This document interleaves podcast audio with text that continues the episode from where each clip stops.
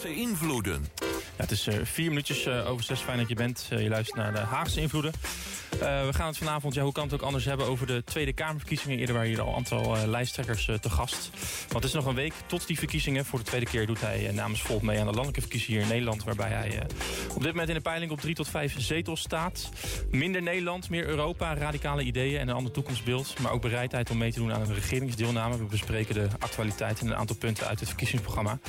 Met lijsttrekker namens Volt, Laurens Dassen. Goedenavond. Goedenavond. Hoe is het? Ja, goed. Ja? Uh, volop in campagne. Uh, ja. De energie zit er goed in, dus uh, het gaat erg goed, ja. Vorige keer dat je zat, was je net verhuisd naar Den Haag. Klopt. Ben je, ben je geland in, in deze stad? Um, ik moet zeggen, ik kende Den Haag als stad nog helemaal niet zo goed. en ik moet eerlijk zeggen dat het heel goed bevalt. Dus ja? Het is een hele prettige stad om, om in te leven. Um, natuurlijk dicht bij het strand. Uh, maar ook de verschillende wijken die er zijn. Uh, mm -hmm. Het is een hele groene stad. Uh, dus ik heb het hier wel goed naar mijn zin, ja. ja. Heb je gezien wat daar staat? Die kraam?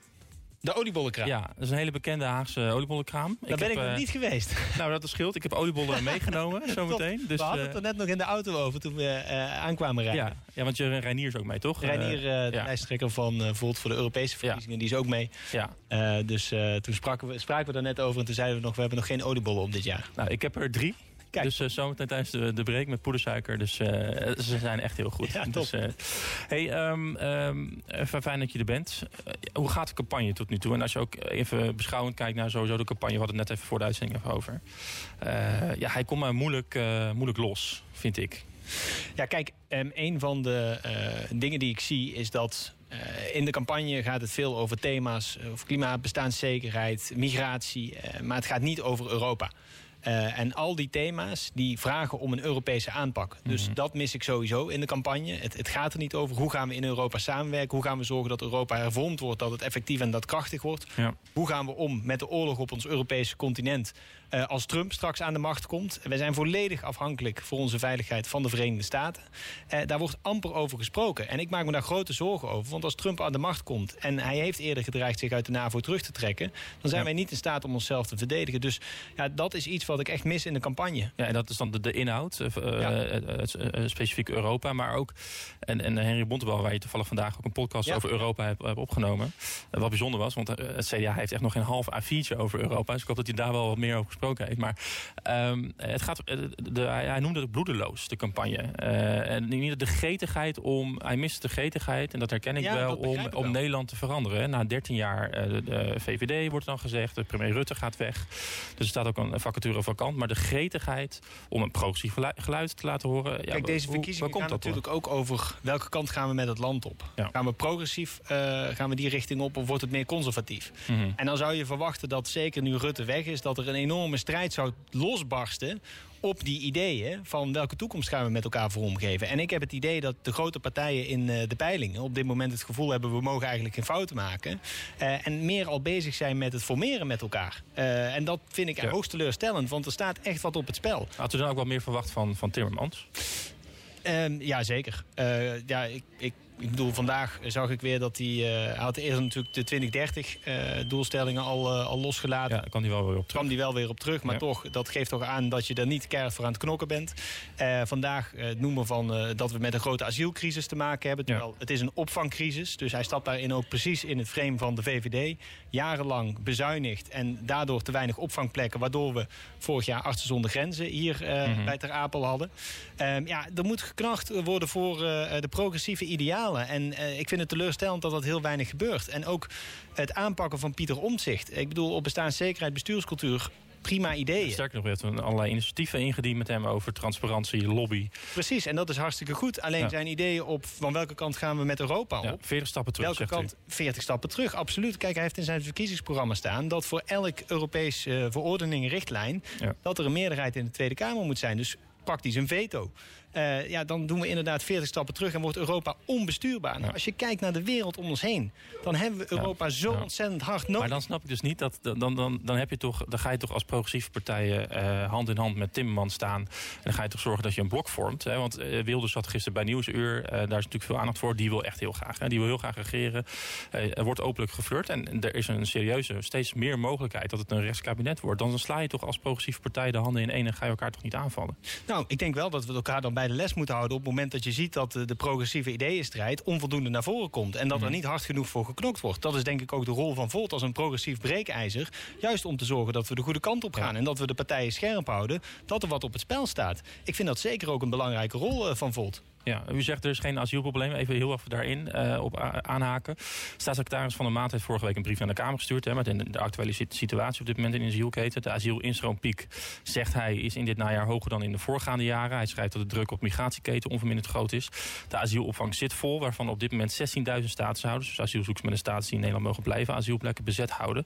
Omdat ze simpelweg niet doorstromen. We hebben toch ook een, een vastgelopen asielketen in Nederland. Ja, en dat is het wanbeleid van de VVD. De afgelopen 22 jaar is er structureel te weinig geld naartoe. Dan is er toch een asielprobleem? Dan is er toch een asielprobleem? Dus er is een beleidsprobleem. Er is verkeerd beleid gevoerd. Er is bewust beleid gevoerd dat dit elke keer te weinig begroot is. Dat heeft de Algemene Rekenkamer ook aangetoond. Dus elke keer is er te weinig geld naartoe gegaan. En daardoor hebben we vorig jaar de verschrikkelijke situatie in Ter Apel gehad... waar voor het eerst sinds de Tweede Wereldoorlog zelfs artsen zonder grenzen... op Nederlandse bodem actief eh, kwam. Omdat ze zeiden, dit is uh, verschrikkelijk wat hier gebeurt. Hier grijpen wij mhm. in. Um, maar dat is uiteindelijk omdat er onvoldoende uh, buffercapaciteit is geweest... om te zorgen dat als de pieken wat hoger waren... dat je het ook op een goede manier met elkaar bij, En ik snap heel goed dat de VVD nu net doet alsof er een grote crisis is dat we niet aankunnen. Maar het is het bewuste beleid van de VVD geweest in de afgelopen jaren... om dit niet op een goede manier te redden. Ja, dat heeft u gezegd, maar Frans Timmermans heeft toch alleen gezegd... dat nou, het gaat echt om het woord asielprobleem. Dus u, u zegt het is geen asielprobleem, het is een beleidsprobleem. Het is een beleidsprobleem. Maar de instroom is hoger dan in de voorgaande jaren, in het najaar. De instromen uh, tot op heden van dit jaar is niet veel hoger. Het, het valt minder, het valt mee. Het valt mee dan, het is minder dan geprognosticeerd. ja, en dus zouden we dat met elkaar op een goede manier moeten aankunnen. Op het moment dat we ook zorgen dat er op een fatsoenlijke manier opvang gecreëerd wordt. Dat we meer dan voldoende ruimte bij de IND en bij de COA hebben. Mhm. Eh, en dat is afgelopen jaar is dat helemaal niet goed uh, ingericht. Nou, Oké. Ehm, eh, wat ik al zei, hè, dus, dus uh, u zegt ja, ik moet me toch ook de, de, de, partijen bij de les houden. Maar had u wel gehoopt dat de progressieve partijen wat dat het debat veel meer plaats zou vinden tussen, tussen de, een ander geluid waar Nederland naartoe moet? Heeft u het idee dat dat geluid op dit moment voldoende gehoord wordt? Dat daar voldoende over gesproken wordt over die ideeën? Nou, ik vind dat we daar nog steeds harder de barricades op uh, moeten. Nou, hoe gaat u dat doen de komende dagen? Nou, door te zorgen dat daar meer aandacht voor is natuurlijk, om daar hier ook aandacht voor te vragen. En bij alle uh, uitingen die ik de komende tijd zal doen... zal ik hier wederom weer aandacht voor vragen. Een ander voorbeeld dan. Sorry dat ik onderbreek. Maar eh, Partij van de Arbeid GroenLinks heeft vandaag een initiatiefwet... Uh, dienen ze in om abortus uit het strafrecht te halen. Iets waar u ook voor bent. Zeker. Uit het Friese Vind ik ook een heel goed voorstel. Dat gaat u ook steunen. Absoluut. Ja. Nee, maar meer dat soort dingen. Zijn er daar eerst, kun je daar niet veel meer voorbeelden... Het is niet dat ik nu dat helemaal aanjagen... maar dat je ook, ook samen voorstellen indient... En, en laat zien waar je voor staat. Maar ik denk dat we dat ook vaker doen. en, en, en dit voorstel steunen wij van harte. En ik ben ook heel blij dat Corinne Die de Kamer gaat verlaten, juist nog dit voorstel mhm. indient. Juist om ook dat je ziet dat er zoveel conservatisme uh, ook in Nederland uh, de kop opsteekt. Nou, en dus ik ben heel blij dat er met dit wetsvoorstel uh, dat ze daarmee komen. En dat zullen wij ook van harte steunen. Mm -hmm. Maar hoe kan het dan toch dat er... Er kan nog van alles gebeuren de komende dagen. maar dat het toch dat het progressief niet genoeg lukt ja, om een tegengeluid... Ja, maar, heeft u voldoende media-aandacht? Of ligt het daar je, aan? Je moet wel ook daar voor de barricades op willen gaan. En dat, dat zie ik te weinig. En nou ik vind dat we daar gezamenlijk als progressieve partijen een, een, een, ehm, in moeten optrekken. En ik vind ook dat we daar uh, elkaar scherp in moeten houden... als het op, dat, op dit moment te weinig gebeurt.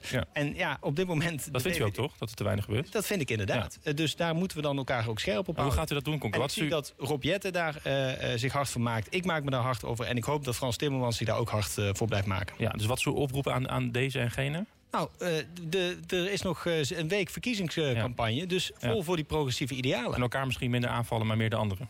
Uh, en inderdaad voor die progressieve idealen gaan staan. En gezamenlijk zorgen dat ja. progressief groot wordt. Ja, over omzicht heeft u gezegd dat u twijfelt ook aan zijn dat u besluiten neemt. Maar ook dat het 40 stappen terug is. Ja. als we dan toch even naar de peilingen kijken. Naar de, naar de grootste drie. als je dan toch moet kiezen tussen omzicht, Zirkus en Timmermans. Ja, wie moet dan de premier worden? Nou, dan, kijk, als ik tussen die drie zou moeten kiezen... dan hoop ik natuurlijk dat Timmermans uh, het wordt. Ik heb ook continu gezegd in de campagne... Uh, ik hoop dat er een coalitie komt die Europees is, die progressief is... die groen is, die sociaal is. Uh, en nou ja, wat mij betreft is dat PvdA, GroenLinks en D66. en, en dan zouden wij bereid zijn om daar ook aan deel te nemen. Oké. De Tweede Kamer zou terugkomen voor een debat... over de oorlog tussen Israël en Gaza. Ja. Morgen vindt er in de Tweede Kamer een gesprek over uh, rond tafel humanitair oorlogsrecht plaats. Maar een meerderheid heeft vandaag gezegd dat het debat naar de campagne komt, namelijk op donderdag 23 november. Ja, dat is toch logisch? En waarom is dat logisch? Nou, omdat je niet wil dat, je, uh, dat er een campagne gevoerd wordt over juist over dit onderwerp. Als je... kijk, natuurlijk wil je niet dat er campagne gevoerd wordt over dit onderwerp. Maar op dit moment is daar een humanitaire ramp gaande. Ja. Er uh, sterven uh, dagelijks onschuldige burgerslachtoffers. baby's die daar omkomen. kinderen die geopereerd worden zonder verdovingsmiddelen. je hoeft mij niet te dus overtuigen hoe erg Ik geef maar even aan van gijzelaars die daar nog steeds vastzitten... die we zo snel mogelijk vrij moeten krijgen. En ik vind dat Nederland, dat het kabinet daar op dit moment... veel te weinig voor doet om zich daar hard voor te maken. Om te hmm. zorgen dat er een staakt het vuren komt. Om te zorgen dat daar een vredesmissie komt. Om uiteindelijk ook een opmaat naar een vredesconferentie. En dan vind ik dat we daar als Tweede Kamer zeker wel met elkaar over moeten eh, spreken. Zeker ook naar dat er deze week dat memo bijvoorbeeld naar buiten is gekomen. Ja, het gelekt is in de NRC ja, Precies. En dan vind ik dat je daar als Kamer over moet spreken. Dat heeft niks met campagne te maken. Ik vind het juist campagne voeren op het moment dat je zegt van... we gaan er niet over spreken, we gaan het over de campagne heen trekken. Dat is nog meer dan een week. En op dit moment wordt er aangegeven dat humanitaire hulp bijna niet meer mogelijk is. Omdat er overal tekorten aan zijn. Dan moeten we daar ons als Kamer en als Nederland hard voor gaan maken... om te zorgen dat dat uh, zoveel mogelijk voorkomen wordt. Maar u weet toch wat er gaat gebeuren. Het, eh, het, ook, ook, al zeg je het is geen campagne... als er dus nu en de, uh, de, de, stemming op, op 20 november een debat gaat plaatsvinden... dan wordt het ook voor campagnedoeleinden gebruikt. En dan kijk ik terug naar het debat wat daar onlangs over was. weer met Denken die een aantal provocatieve uitspraken deed. Maar ik kan me ook voorstellen dat andere partijen... van aan de andere kant weer uitspraken gaan doen, zoals SGP. En we hebben nu een hele gevoelige situatie in de samenleving... over antisemitisme en de spanningen die lopen alleen maar toe. Ja, dan heeft de Tweede Kamer ook wel bewezen dat ze niet in staat is om dat even los te laten en gewoon uh, echt op de inhoud te richten. Dit, dat gaat toch een verkiezingsdebat worden? Kijk, ik vind ook dat wij als politici de verantwoordelijkheid hebben om te zorgen dat het daarover moet gaan waar het over moet gaan. Namelijk over het staakt het vuren, over dat die humanitaire hulp beter op gang komt. Om te zorgen dat die gijzelaars uiteindelijk vrijkomen. En inderdaad heel terecht ook over de spanningen in de Nederlandse samenleving. Ik had afgelopen zondag een heel inspirerend gesprek met uh, jongeren van Deel de Duif. Uh, met de Joodse en uh, islamitische achtergrond. Die met elkaar ook het gesprek voeren om juist ook die verbinding in de samenleving te blijven houden. Mhm. En die ook dat vragen van politici uh, om te zorgen dat de samenleving uh, elkaar blijft opzoeken en ook blijft verbinden. En dat is heel belangrijk in deze tijd.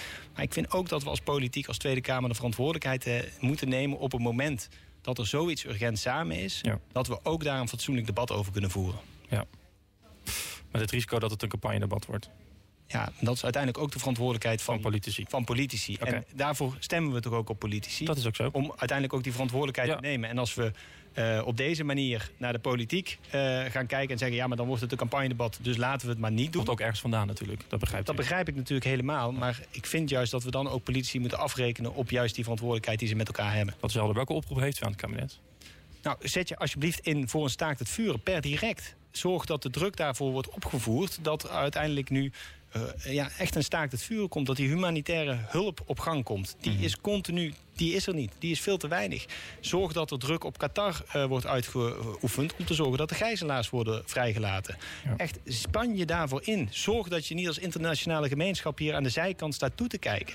Dat is echt... Nederland is absoluut te afwachtend hierin om te zorgen dat deze situatie stopt. Maar Rutte was toch vorige week nog uh, bij Israël. Is al twee keer op bezoek geweest bij Netanyahu. Uh, Bruin Slot is hard aan, aan de slag. Het gaat dan vooral om die Ik heb ze nog steeds niet gehoord over een staakt het vuur. Ik heb nog steeds niet gehoord dat ze de druk opvoeren om te zorgen dat er humanitaire hulp door kan komen. Mhm. dat de druk op Qatar wordt vergroot om de gijzelaars vrij te laten. Daar kan Nederland veel meer in doen. En dat moeten we ook in Europees verband doen. Want het is natuurlijk super frustrerend om te zien... Ja, dat stoort u, hè? Dat niet iedereen dezelfde boodschap uitdraagt. Niet iedereen dezelfde boodschap uitdraagt... waardoor je ook als Europa in dit conflict niet uiteindelijk de, de, bij machten bent... om ook daadwerkelijk tot een oplossing te leiden. Ja. want ik wil eigenlijk vragen, ja, welke rol heeft Europa dan er nu in? Uh, want dan gaat het via twee sporen, zowel wat, wat Nederland moet uitdragen, maar wat ook Europa moet uitdragen. Ik, ik zei net al, u stoort zich eraan dat het niet dezelfde boodschap is. Maar wat verwacht u nu van Europa? We gaan het zo meteen in het tweede blok echt over Europa hebben. Maar wat, hoe moet Europa nu, nu reageren? Nou kijk, Europa is uiteindelijk een van de belangrijkste handelspartners ook. En Europa moet ook zorgen dat er nu een staakt het vuren komt. Dat die humanitaire hulp op gang komt. Um, en ik vind dat Europa zich daar onvoldoende gezamenlijk voor uitspreekt. En ik mhm. snap ook de complexiteit daarvan. Maar als je bijvoorbeeld een resolutie hebt in, bij de Verenigde Naties... waar landen voorstemmen, andere landen zich onthouden van... waaronder Nederland, andere landen weer tegenstemmen... ja, dan straal je als Europa niet een duidelijk signaal af. En daarom zeggen wij ook... Europa moet met één buitenlandbeleid komen... om te zorgen dat ze hier wel een duidelijke stem in heeft. Ja. Bent u ook voor een twee-staat-oplossing uiteindelijk als we naar, naar een oplossing gaan?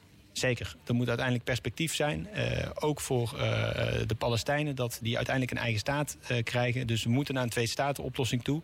Daarom is het ook belangrijk dat er staakt vuur komt. En dat er dan ook een VN-vredesmissie komt. Om te zorgen dat er rust daar wordt behaald. En dat er ook gestart wordt met een vredesconferentie. Zodat er uiteindelijk echt naar een twee-staten-oplossing toegewerkt gaat worden. Ja. Op een aantal stations morgen in Nederland vinden pro-Palestijnse demonstraties plaats. daar is ook veel om te doen. Vindt u het een goed idee?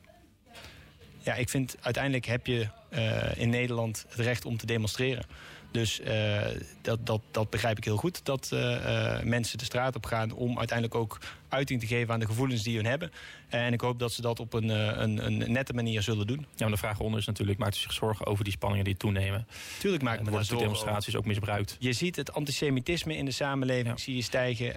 Je ziet de moslimhaat in de samenleving zie je stijgen. Je ziet groepen tegen elkaar op, tegenover elkaar komen te staan daar maak ik me hele grote zorgen over. En ik vind ook dat we als politiek, en het kabinet moet dat ook faciliteren, juist de gesprekken uh, worden gevoerd tussen verschillende organisaties. Dat er gesprekken op school worden uh, gevoerd. Want ik spreek ook met leraren die zeggen... ja, wij vinden het heel moeilijk en we zouden graag meer handvaten daarbij hebben... hoe we dat gesprek goed moeten voeren. Want we willen juist kosten wat het kost voorkomen... dat ja, hier de samenleving verder onder hoogspanning komt te staan. Ja, dus nog even resumerend. U vindt dat op dit moment dat Rutte en uh, Hanke Bruinslot te weinig doen... of is het te onzichtbaar wat ze aan het doen zijn? Uh, ik vind dat ze te weinig doen en het is onzichtbaar wat ze Oké, en de, ja, de enige mogelijkheid die u heeft is een debat uh, met hen erover ingaan. Maar dat lukt dus omdat de meerderheid. Precies. Oké. Okay. Uh, heeft u het Volkskrant gelezen vandaag? Um, ik, ik heb enkele artikelen gelezen, maar vergeef me dat ik niet nee, alles... Nee, nee, nee, ik ga u niet verrassen hoor. Maar de agenda's van bewindslieden uh, worden slecht bijgehouden. Dat denk, ik denk dat u daar ook wel van op de hoogte was. Lobbyafspraken zijn niet transparant. Bewindspersonen maken de agenda nauwelijks transparant... of zetten het zo neer dat niet duidelijk is met wie zij afspreken en waarover. Terwijl zij in het kabinet al wel afgesproken hebben dit te gaan doen. Het kabinet laat nu extern onderzoek doen, uh, zegt Hugo de Jonge... naar hoe de agendas worden bijgehouden. En als het blijkt nou volgend jaar dat dat nog steeds niet goed gaat... dan komt er een lobbyregister waar u al meerdere keren aandacht voor heeft gevraagd... waar ook meerdere keren meerderheden voor, uh, voor waren. Ik zou zeggen, hoopt u dat bewindspersonen de afspraak zodanig verwaarlozen... zodat u ook eindelijk die uw zin krijgt? Met het nou, lobbyregister? Ja, het, het, is te frustrerend voor woorden toch... dat uh, er continu ook beloofd wordt vanuit het kabinet... we gaan de agenda's beter bijhouden. En als ik u nu goed begrijp, gaan ze nu weer een onderzoek doen... Ja. om te kijken of dat dan ook Het kabinet voert er nu een onderzoek uit. Ja, ja. Dit is onvoorstelbaar. We hebben in 2021 hebben we al een motie ingediend... die de Kamer uh, heeft, is aangenomen om te zorgen dat er een lobbyregister komt. Daarna hebben we weer een motie ingediend om te versnellen. Er zou een onderzoek gedaan worden, nog een onderzoek. Nu wordt er blijkbaar weer een onderzoek gedaan naar de agenda's. Terwijl Hanke Bruins-Slot toen nog als minister van Binnenlandse Zaken had aangegeven... Uh, we gaan de agenda's openbaren. Dat is de invulling die wij geven aan deze motie. Daar waren wij toen als Kamer al zeer uh, ontstemd over. Ja. Ja, en nu hoor je dus dat uh, ze dat ook nog steeds niet doen, ondanks dat, dat meerdere beloftes zijn. En wij willen gewoon dat er een lobbyregister wordt, ja. komt, zodat het transparant wordt van wie heeft de toegang tot de macht. Uh, hoe wordt er uh, uiteindelijk aan die gesprekken vormgegeven in beleid, zodat het voor de Kamer en ook voor uh, de media transparant wordt van ja, oké, okay, hoe komt beleid nou precies tot stand? Sterker nog, het kabinet heeft zelfs een onderzoek gedaan over de definitie wat nou lobby is ja. en wat een lobbyregister is. Maar het is toch gek dat het een afhangt van het andere, dus dat er nu nog een onderzoek moet plaatsvinden, terwijl Open State Foundation, u kent ze, al duidelijk aangeeft dat het gewoon nu niet goed gaat met het openbaar maken van, van een. Maar het zijn ook gewoon vertragingstechnieken dit, toch? Nou ja, u heeft eerder met Pieter Omtzigt allerlei voorstellen gedaan hierover. ik zeg, ja, waarom slaat u niet harder op de trom? Als een, als een bewindspersoon niet uh, een motie uitvoert die meerdere keer is aangenomen, die een meerderheid heeft, nou, dan moet zij toch toch verantwoording worden geroepen? Jazeker, en dat hebben we echt heel vaak gedaan. Um, en we hebben hier meerdere debatten ook over gevoerd. Um, we hebben hier elke keer hebben we hier uh, in de Tweede Kamer ook weer extra aandacht uh, voor gevraagd. Ja, uh, daarom is het ook extra frustrerend dat niet uitgevoerd wordt. En nou ja, ik ga ervan uit dat na 22 november dat het nieuwe kabinet daar ook snel wel vaart mee gaat. Ja, dat was mijn vraag. Want alle partijen zijn hier voorstander van. Ja, en om dus het is geen excuus om, ja. om dit te regelen. Als hij in, in, in, een coalitie komt, u heeft allerlei voorstellen met hem gedaan. Ja. Hoopt u daar dan ook op? Dat verwacht u ook dat als NSC in een coalitie komt, dat dat lobbyregister ook komt? Ja, tuurlijk. Dat moet er zo snel mogelijk komen. Om juist te zorgen dat de transparantie verbeterd wordt. En daar heb ik met omzicht hebben we daar meerdere voorstellen voor gedaan. En ik hoop dat die ook zo snel mogelijk uitgevoerd gaan worden. Maar u was niet op de hoogte dat het kabinet nu nog een onderzoek uitvoert over of het kabinet wel of niet goed doet aan de openbaarmaking nee, maar kom op, het, het, gaat om de openbaarmaking van agenda's. Daar is keer op keer zijn daar ook vragen over gesteld. En elke keer heeft uh, minister Bruin Slot destijds al aangegeven... we gaan dat verbeteren, we gaan daar bovenop zitten. Persoonlijke belofte, ik ga daar achteraan. Ja. Uh, ja, en, en, nu gaan we dan een onderzoek uitvoeren om te kijken hoe dat beter kan. Het, ik, het gaat over het openbaar maken maken van de agenda. Dat kun je toch gewoon regelen? Ja, vertraging, uh, zegt het u. is gewoon vertraging. Ja, de GECO, de, de anticorruptiewaakhond, heeft deze week ook nog weer gepleit voor een lobbyregister. Uh, gaf vorige maand een evaluatie hoe Nederland het doet. Ze hadden acht aanbevelingen in 2019 gedaan over integriteit. Nederland heeft er slechts één uh, volledig ingevoerd, vijf deels en twee niet. En in juni 2024 moet Nederland opnieuw rapporteren aan de GECO. Nou, dan moet het acht keer een voldoende zijn, zou ik zeggen. En we hebben voor elk aanbeveling van de Greco hebben wij voorstellen gedaan hoe je dat kunt doen. Die zijn heel makkelijk uit te voeren. Uh, helaas heeft daar een deel van de Kamer tegen gestemd... omdat ze vonden dat het kabinet al goede stappen uh, maakte. Nou, ik denk dat het duidelijk is dat het kabinet dat dus niet aan het doen is. Dus ik hoop dat na 22 november gaan we die voorstellen gewoon opnieuw indienen... en dat we dan ook meteen uitgevoerd gaan worden. En dan is de vraag, gaat het alleen over bewindspersonen en politieke assistenten... of ook, ook over Kamerleden? U zat ja. in Nieuwsuur, daar ging het ook vorig jaar over gegaan. Ja. Uh, Joost Sneller is nu een proef gestart... om Kamerleden ook hun externe contacten te laten vastleggen. Uh, u heeft destijds met onzicht er bewust voor gekozen om het niet te doen over Kamerleden. Maar bent u er ook wel om en voorstander om ook Kamerleden de opdracht te geven... om nou gewoon transparant te zijn met wie ze lobbyen? Nou, ik vind uh, het initiatief van Joost Sneller vind ik eigenlijk heel goed. Dus Had u toch eigenlijk ook moeten doen? Ik, ik, nou, dus ik sluit me daar ook wel bij aan uh, om dat te gaan doen. Ik vind wel, uh, en da daar hoop ik ook wel dat we met elkaar scherp op zijn. Ik vind het goed dat we dat met Kamerleden ook uh, bewuster gaan doen. En, en daarom ga ik ook me aansluiten bij dit initiatief. Maar laten we wel zorgen dat de macht die heel duidelijk ook bij het kabinet zit... dat mm -hmm. daar de transparantie ook verbeterd moet worden. Dat we nu niet de focus gaan verleggen van... oké, okay, we gaan nu alleen maar op Kamerleden focussen. Want juist het kabinet daar worden hele grote beleids- ja. en wetsvoorstellen uh, gedaan. En dat moet ook transparant gemaakt Maar je moet ook zelf het goede voorbeeld geven. Dus gaat u wachten op het initiatief van Sneller... of gaat u zelf nu ook al eerder uh, openbaar maken waar, hoe u gelobbyd wordt? Ja, ik denk niet dat we uh, nu een wedstrijdje moeten gaan doen... wie het het snelst gaan doen. Ik ben heel benieuwd naar het initiatief van Sneller. En okay. ik sluit me daar graag bij aan. Laatste over in dit actualiteitenblokje. Um, ook in de Volkskrant vandaag, ik weet niet of u het gezien heeft... de Europese Commissie wil de komst van arbeidsmigranten uit landen, uit landen buiten de Europese Unie vergemakkelijken. Volgens mij is het ook een initiatief van Volt... om groeiende tekorten op de arbeidsmarkt in de lidstaten op te vangen. Dit stuitte eerder op weerstand in eh, onder meer van Nederland. En daarom heeft Brussel er expres vandaag geen ramingen bij gedaan... om verdere discussie te voorkomen. Maar bent u blij, en dat denk ik dan wel, met dit voorstel? Ja, dus onze Europarlementariër Damian Beuzelager... die heeft zich hier uh, hard voor gemaakt uh, om een talentpool te creëren. Mm -hmm. uh, wat het voordeel biedt van... er zijn gewoon binnen Europa zijn er uh, arbeidstekorten uh, in cruciale sectoren. Uh, dan moet je ook denken aan arbeidsmigratie. En op deze manier zorg je ervoor dat je dat ook in de hand houdt, die arbeidsmigratie. Juist ja. door aan te geven van oké, okay, er is een talentpool. Daar kunnen mensen van buiten de Europese Unie kunnen kijken van... zijn daar plekken uh, vrij en kunnen zich daar dan voor aanmelden. En op het moment dat er een match is... dan kunnen ze op een legale manier naar Europa komen. En daarmee voorkom je dus ook dat mensen hetzelfde oversteek gaan maken. Uh, omdat je op deze manier een vorm van circulaire migratie kunt krijgen. Een aantal partijen die hoog in de peilingen staan nu wil juist het aantal migranten beperken. Het gaat ook voor een groot deel over arbeidsmigranten. En we zien toch dat, ook hier in Den Haag, dat als er één groep stelselmatig slecht behandeld wordt, uitgebuit wordt, dat zijn het arbeidsmigranten. U zegt, ja, kom maar meer. Ja, maar nu haalt hij wel twee dingen door elkaar. Uh, kijk, wij zeggen inderdaad, we hebben arbeidsmigratie nodig... om de tekorten in de zorg, maar ook in de bouw, mm -hmm. uh, in de ICT uh, tegen te gaan. deels zal dat van binnen Europa soms zijn, soms van buiten Europa. Ja. die uitbuiting, die moet natuurlijk stoppen. De uitbuiting onder andere door uitzendbureaus. Dus ik ben ook blij dat er volgend jaar wetgeving daarop komt... om te voorkomen dat dat mogelijk is. Maar het goede van dit initiatief is dus dat je het ook veel transparanter maakt... en dus ook inzichtelijk maakt van oké, okay, is er plek... En zo ja, wat zijn dan ook bijvoorbeeld de uh, uh, voorwaarden waar je aan moet voldoen... Uh, zodat uiteindelijk ook de arbeidsmigrant op een betere manier uh, beschermd is. Want maar, je wil natuurlijk kosten wat het kost voorkomen dat arbeidsmigranten uitgebuit worden. Ja, maar dat gebeurt wel. Het is een belangrijk onderwerp hier in de stad Den Haag. Morgen wordt hier weer over gesproken in de Raad, een paar meter verderop. Het lukt Den Haag niet om grip te krijgen op problemen met arbeidsmigranten... ondanks vele lokale actieplannen en afspraken in de regio. De wethouder Martijn Balstar van de Partij van de Arbeid heeft eerder gezegd... dat de landelijke overheid veel meer moet doen om, wat u zei het al, malafide uitzendbureaus aan te pakken. Ja. Maar we zien ook dat vele arbeidsmigranten werken in het Westland in de tuinbouwsector, maar daar niet kunnen wonen. Dus naar, of dat mag dan niet van Westland, of daar is geen ruimte voor. Dus naar Den Haag komen om te wonen terwijl ze in Westland werken. Wat gaat u doen, wat, gaat Volt doen om even specifiek hier lokaal Nederland... om die uitbuiting te voorkomen? Maar ook te zorgen dat je gemeente bijvoorbeeld aanspreekt van... joh, als jij arbeidsmigranten gebruikt voor bijvoorbeeld de tuinbouwsector... moet je ook zorgen voor huisvesting. Nou, zeker. Dus daar moet de ook verantwoordelijk voor houden. Maar ook de bedrijven uh, die daarbij betrokken zijn... moeten daar verantwoordelijk voor gehouden worden. want ja, die maken er uiteindelijk ook gebruik van. Ehm, en daarin vinden wij ook dus dat het gesprek tussen gemeenten, bedrijven en de arbeidsmigranten... dat dat en bewoners veel meer gefaciliteerd moet worden.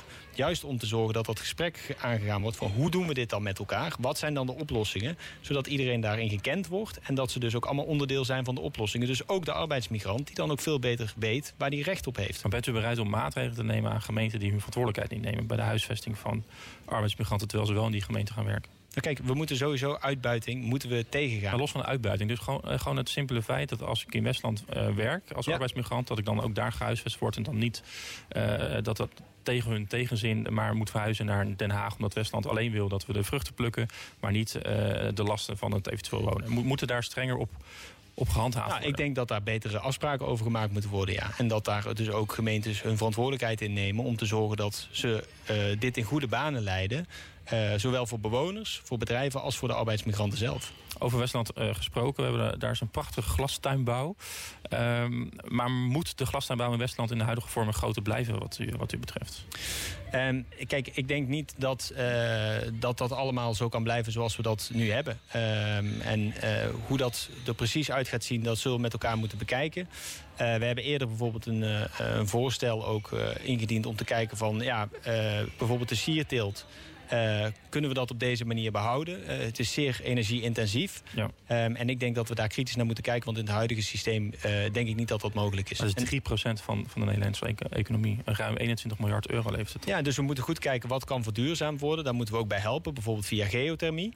Uh, daar moeten we uh, bedrijven ook bij helpen. Maar voor sommige bedrijven is dat ook niet mogelijk. En dan moet je inderdaad afvragen of dat een, een toekomst hier heeft. En zo vind ik sowieso dat je moet kijken of alle sectoren... bijvoorbeeld, we slachten ook 1,7 miljoen dieren per, per dag... Ja. Uh, dat is een systeem wat ook niet houdbaar is. En veel slachterijen waar ook veel arbeidsmigranten zitten... ja, dat is ook niet houdbaar voor de lange termijn. Ja, en daar gaat het dus veel over, ook over, over vee. Maar moet de glastuinbouw, wat is uw boodschap aan Westland? Uh, mensen die hier ook in de regio zitten, u woont hier nu ook. Uh, misschien ook in de buurt waar arbeidsmigranten zitten. Wat, wat is de boodschap aan, aan Westland als het gaat om glastuinbouw? Moet het, moet het omlaag? Uh, ik denk dat het omlaag zal gaan, uh, doordat we ook moeten gaan verduurzamen. Maar ik vind ook dat de bedrijven die al heel ver zijn in verduurzaming... bijvoorbeeld met geothermie, dat we die uiteindelijk ook moeten helpen... om die transitie te kunnen maken. Oké. We gaan het straks hebben over een onderwerp waar, uh, nou, wat u al zei, waar te weinig over gaat in de campagne. Uitgebreid over Europa. Uh, de lijsttrekker is hier ook toevallig van de Europese verkiezingen. Ja. Volgende, volgend jaar zijn de Europese verkiezingen. Uh, dus daar gaan we het zo meteen uitgebreid over. Haagse invloeden. Ja, het is vijf minuutjes over half zeven. Er moet een uh, Europese grondwet komen, een Europese regering... en Europese publieke omroep. En bij de Europese verkiezingen moet je als Nederlander... ook op kandidaten uit andere Europese landen kunnen stemmen. Zomaar wat uh, voorstellen van Volt. Radicale voorstellen voor meer Europa. Maar is het niet te radicaal en belangrijk? Is uh, Europa er zelf wel aan toe? Ik praat erover met lijsttrekker namens Volt, uh, Laurens Dassen. Meneer Dassen, nogmaals goedenavond. Ja, goedenavond. Fijn dat u er bent. Meer Europa, waarom is dat zo belangrijk? Kijk, um, alle uitdagingen die we met elkaar hebben... klimaat, migratie, digitalisering, bestaanszekerheid... maar ook ons concurrentievermogen... Uh, onze veiligheid, uh, die moeten we met elkaar in Europa aanpakken. Want alleen dan kunnen we ook echt oplossingen bieden... voor de uitdagingen waar we voor staan. Uh, en op dit moment uh, werken we als landen veel te weinig samen om die grote uitdagingen aan te kunnen pakken. En dat betekent dus ook dat we geen goede oplossingen bieden. Dat betekent dat het vertrouwen uh, in de oplossingen en in de politiek daalt. En dat voedt uiteindelijk ook weer populisme. Dus we moeten met elkaar ook kiezen hoe gaan we met Europa weer de toekomst vormgeven. Uh, en daarom is dat debat daarover zo belangrijk. En wij dus zijn heel duidelijk daarin. Wij mm. willen toe naar een federaal Europa. Echt een Europese parlementaire democratie. Ja. Om te zorgen dat we die grote uitdagingen met elkaar aan kunnen. Ja.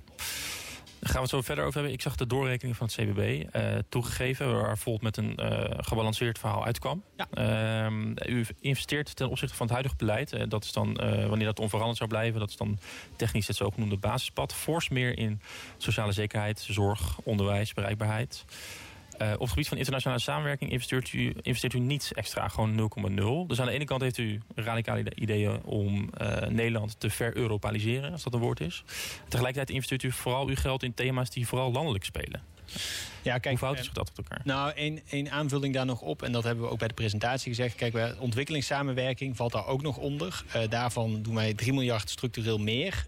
maar omdat we eigenlijk hadden gezegd van ja, oké, dat willen we ook Europees doen, is dat niet goed in de doorrekening meegenomen. Dus dat is een fout van onze zijde die daarom daar niet goed in zit. Maar daarnaast alle andere voorstellen die we doen, dat zijn niet bepaald hele kostbare voorstellen. Dat zijn juist voorstellen om te zorgen dat de manier waarop de Europese Unie werkt effectiever en juist daadkrachtiger wordt. Om te zorgen dat we Europa hmm. bestuurbaar houden.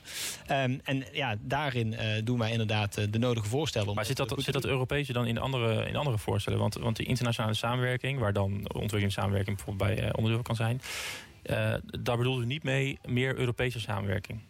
Nou kijk, uh, wij zijn sowieso voor veel meer Europese samenwerking. Ja, daarom. dus, uh, daar, maar niet alles daarin kost ook miljarden aan geld. Dus als je toe wil werken naar een Europese parlementaire democratie...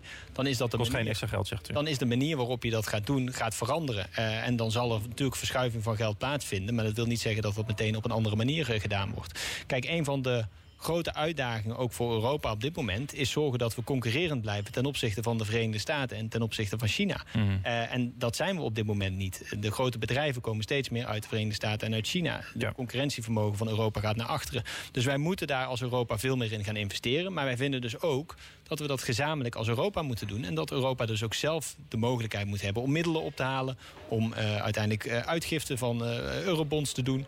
Om te zorgen dat die Europese publieke investeringen gedaan worden. Maar u zegt ook, we moeten eerst het huis op orde krijgen in Europa. En, en daarvoor doet u allerlei voorstellen. Maar u zegt dat kost eigenlijk geen extra geld.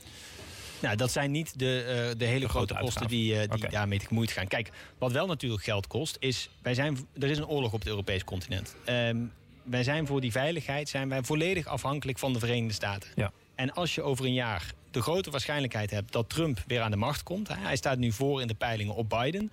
Dat betekent dat wij niet meer voor onze veiligheid uh, kunnen gokken dat uh, Trump ons zal blijven beschermen. Dan zul je zien dat we veel meer investeringen moeten gaan doen in defensie. Nou, wij willen. Dat doet u?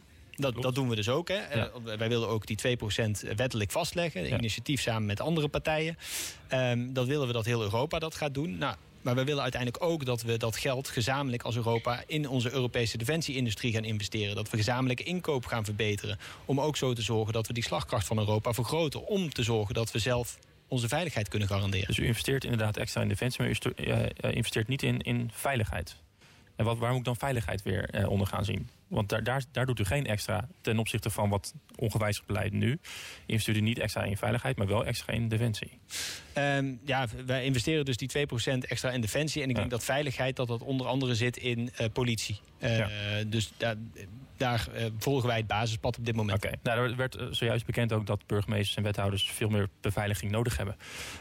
omdat zij hun, hun, politieke ambt weinig nog maar kunnen invullen zonder dat er bedreigingen zijn. Dat is natuurlijk heel ernstig. Dus daar moet ook extra geld naartoe. Nee, dat is natuurlijk verschrikkelijk. Dat, dat sowieso dat politici, wetenschappers, journalisten, dat die bedreigd worden. Dat is echt van de zotte. En daar hmm. zullen we ook met elkaar als samenleving ons voor moeten blijven uitspreken. Dat dat geld. niet normaal is. Ja. Nee, tuurlijk. En dat kost ook extra geld. Nou is het ook wel zo. CPB-berekening laat niet alles zien. Dus alle bedragen onder de 200 miljoen, die zijn hier niet op uh, meegerekend.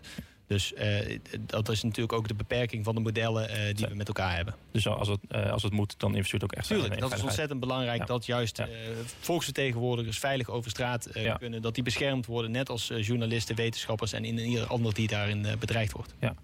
Partijen die nu bovenaan staan in de peilingen zijn per definitie lange na niet enthousiast over meer Europa. U noemde omzicht al, maar dat geldt bijvoorbeeld ook voor de VVD. je ziet ook binnen Europa partijen opkomen. U, u zei ook al populisme die juist een terugwerkende beweging maken richting Europa. Hè. We hebben natuurlijk de brexit als, als bekend voorbeeld uh, gehad. Um, maar dat is breder. Eh, op basis waarvan denkt u dat Europa klaar is voor juist die andere kant op? Voor nog meer Europa? Uh, het is bittere noodzaak uh, die we met elkaar hebben. ik gaf net al aan voor veiligheid. Mm. als we op dit moment zijn de Oekraïners die zijn voor onze vrijheid en veiligheid ook aan het ja. vechten. Uh, dat is een van de redenen waarom we Europa al hadden nodig hebben. Kijk naar een andere grote crisis die we met elkaar op dit moment hebben. Dat is klimaatverandering. Uh, heel veel jonge mensen maken zich daar zorgen over. Heel veel oudere mensen over. Het afgelopen weekend gingen 85.000 mensen de straat op... om te zeggen, politiek, doe meer. Mm. Dan moeten we ook als Europa veel beter erin samenwerken... om te zorgen dat we de klimaatverandering tegengaan. En dat lukt onvoldoende. En daardoor, dat, daardoor dat, dat, dat, die stroom is er ook. En die zeggen, ja, we moeten juist weer terug.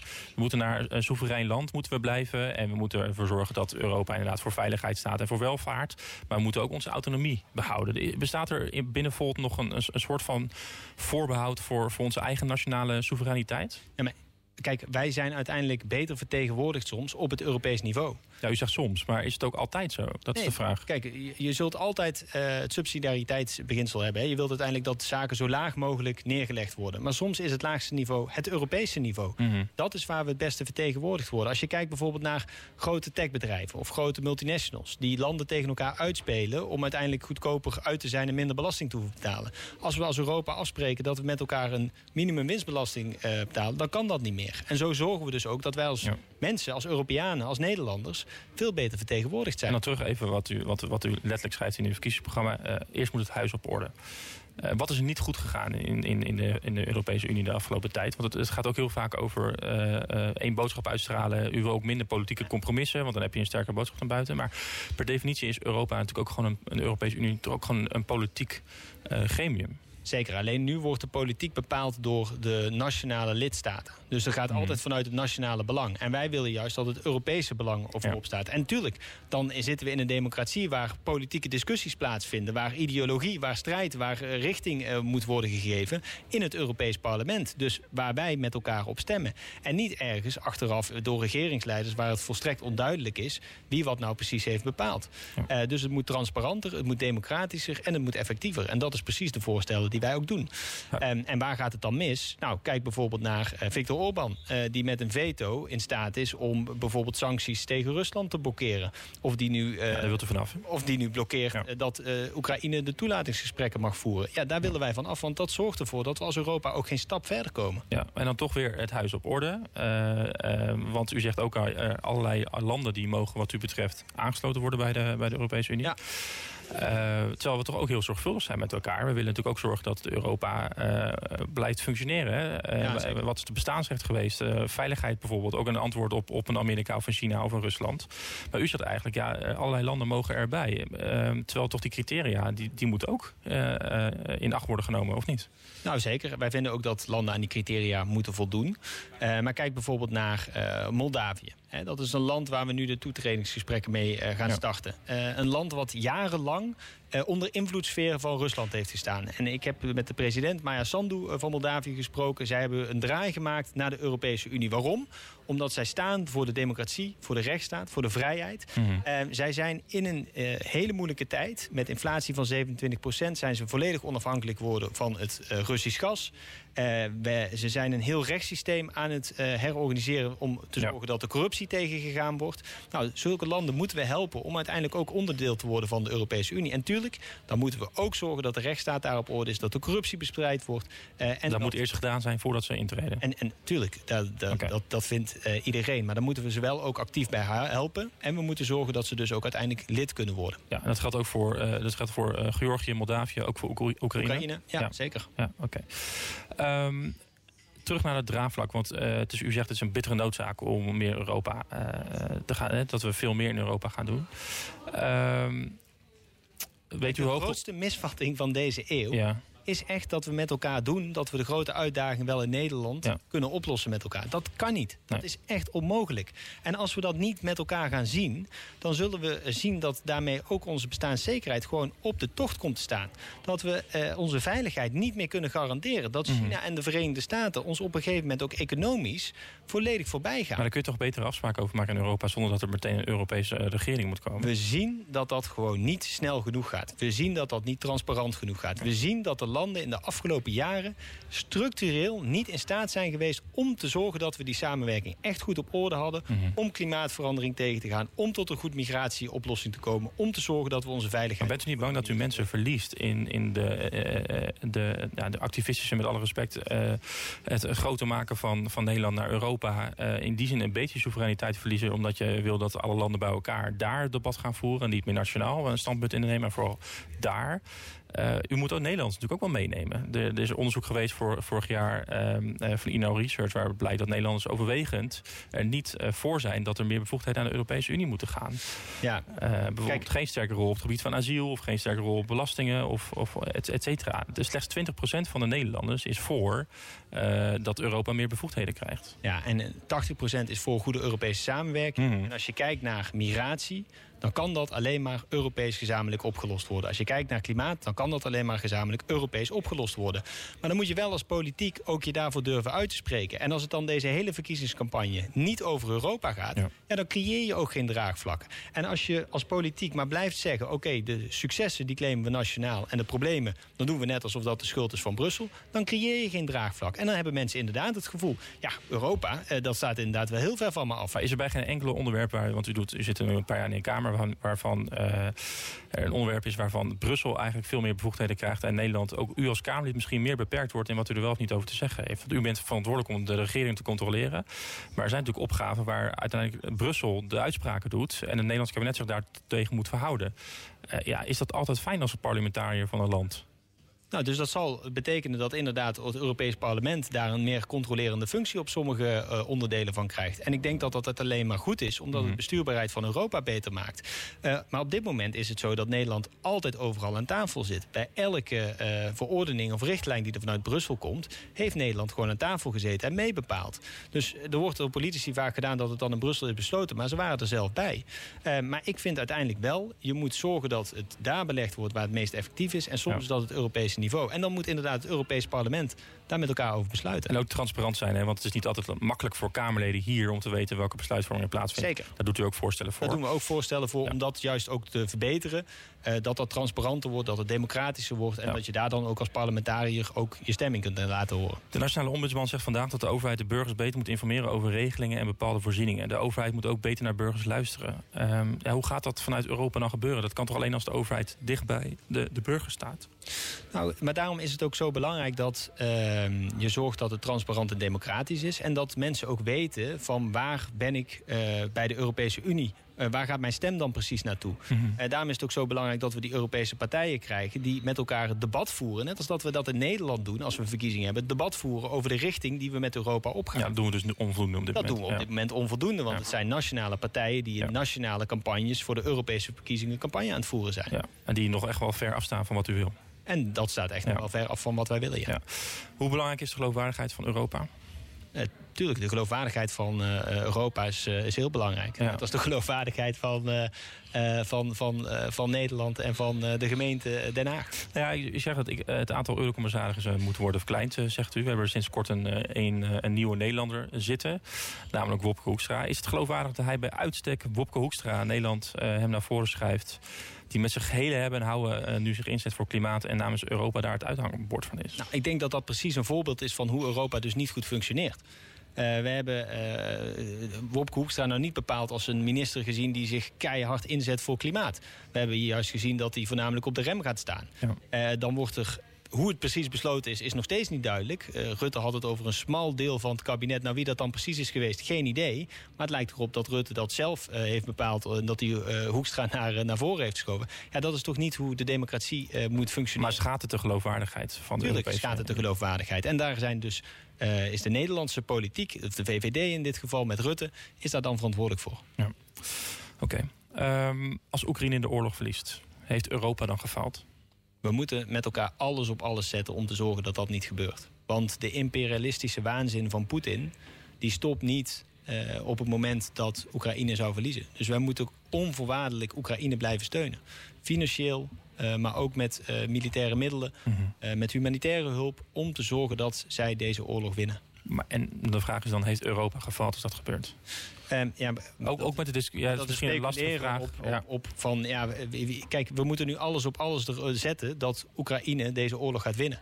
Ja. Uh, dat Poetin gestopt gaat worden. Ja. Dus maar, ja, dan gaan speculeren wat als Oekraïne. Nee, we moeten zorgen dat Oekraïne deze oorlog wint. Nou, het is op zich volgens mij wel een terechte vraag. Omdat je ook wel ziet dat in het begin natuurlijk heel veel stevigheid was. Gezamenlijke boodschap. Uh, er was veel uh, compromis. eigenlijk niet compromis. Iedereen was er stellig van overtuigd. We moeten achter Oekraïne gaan staan.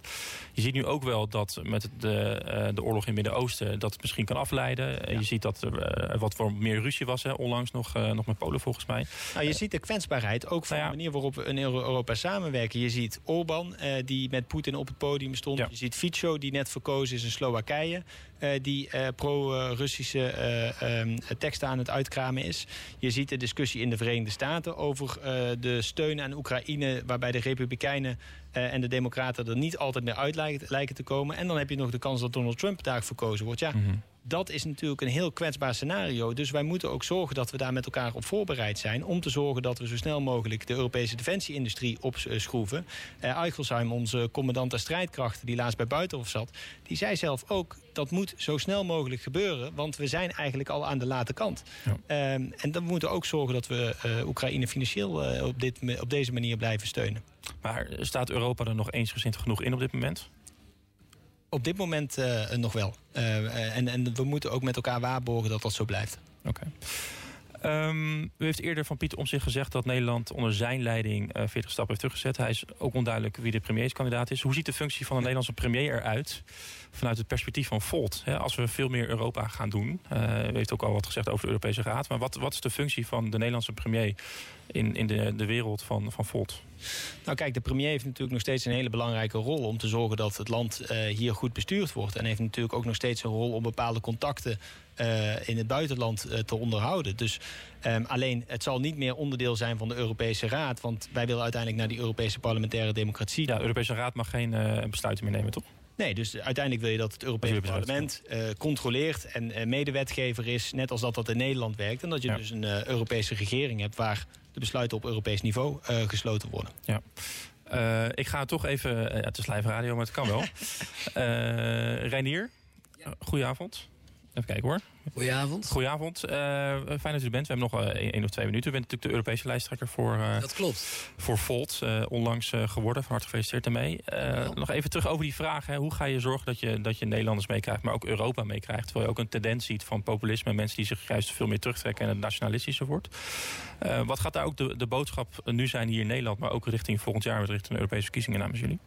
Ja, wij proberen dat draagvlak in heel Europa te creëren. Dus volgende, volgend jaar denken wij in 15 à 20 landen tegelijkertijd mee te kunnen gaan doen. En dat draagvlak kan je het beste creëren door met mensen in gesprek te gaan over het belang van Europa dat er nu al is en het belang voor, van Europa voor onze toekomst, voor het oplossen van klimaatverandering, voor onze veiligheid, maar ook voor onze bestaanszekerheid, voor onze welvaart, zijn we allemaal afhankelijk van de Europese Unie en een goed functionerende Europese Unie. Dus heel veel de straat op, heel veel gesprekken gaan ja. voeren en dat draagvlak op die manier creëren. De campagne gaat niet stoppen na volgende week. Jullie hebben samen Volt Nederland uh, opgericht, uh, toch? Ja, ja. Hoe kijkt... een hele grote groep uh, ja, enthousiastelingen. De laatste vraag, hoe, hoe kijkt u naar uw lijsttrekker Laurens Dassen? Ik ben de grootste fan van Laurens Dassen die er is. Ja? ja, hij doet het fantastisch en weergaloos. we gaan nog heel veel mooie dingen tegemoet met elkaar, denk ik, onder zijn leiding. Helemaal goed. Laurens, uh, veel succes uh, de komende dagen nog. En uh, tot aan de verkiezingen veel dank voor je komst.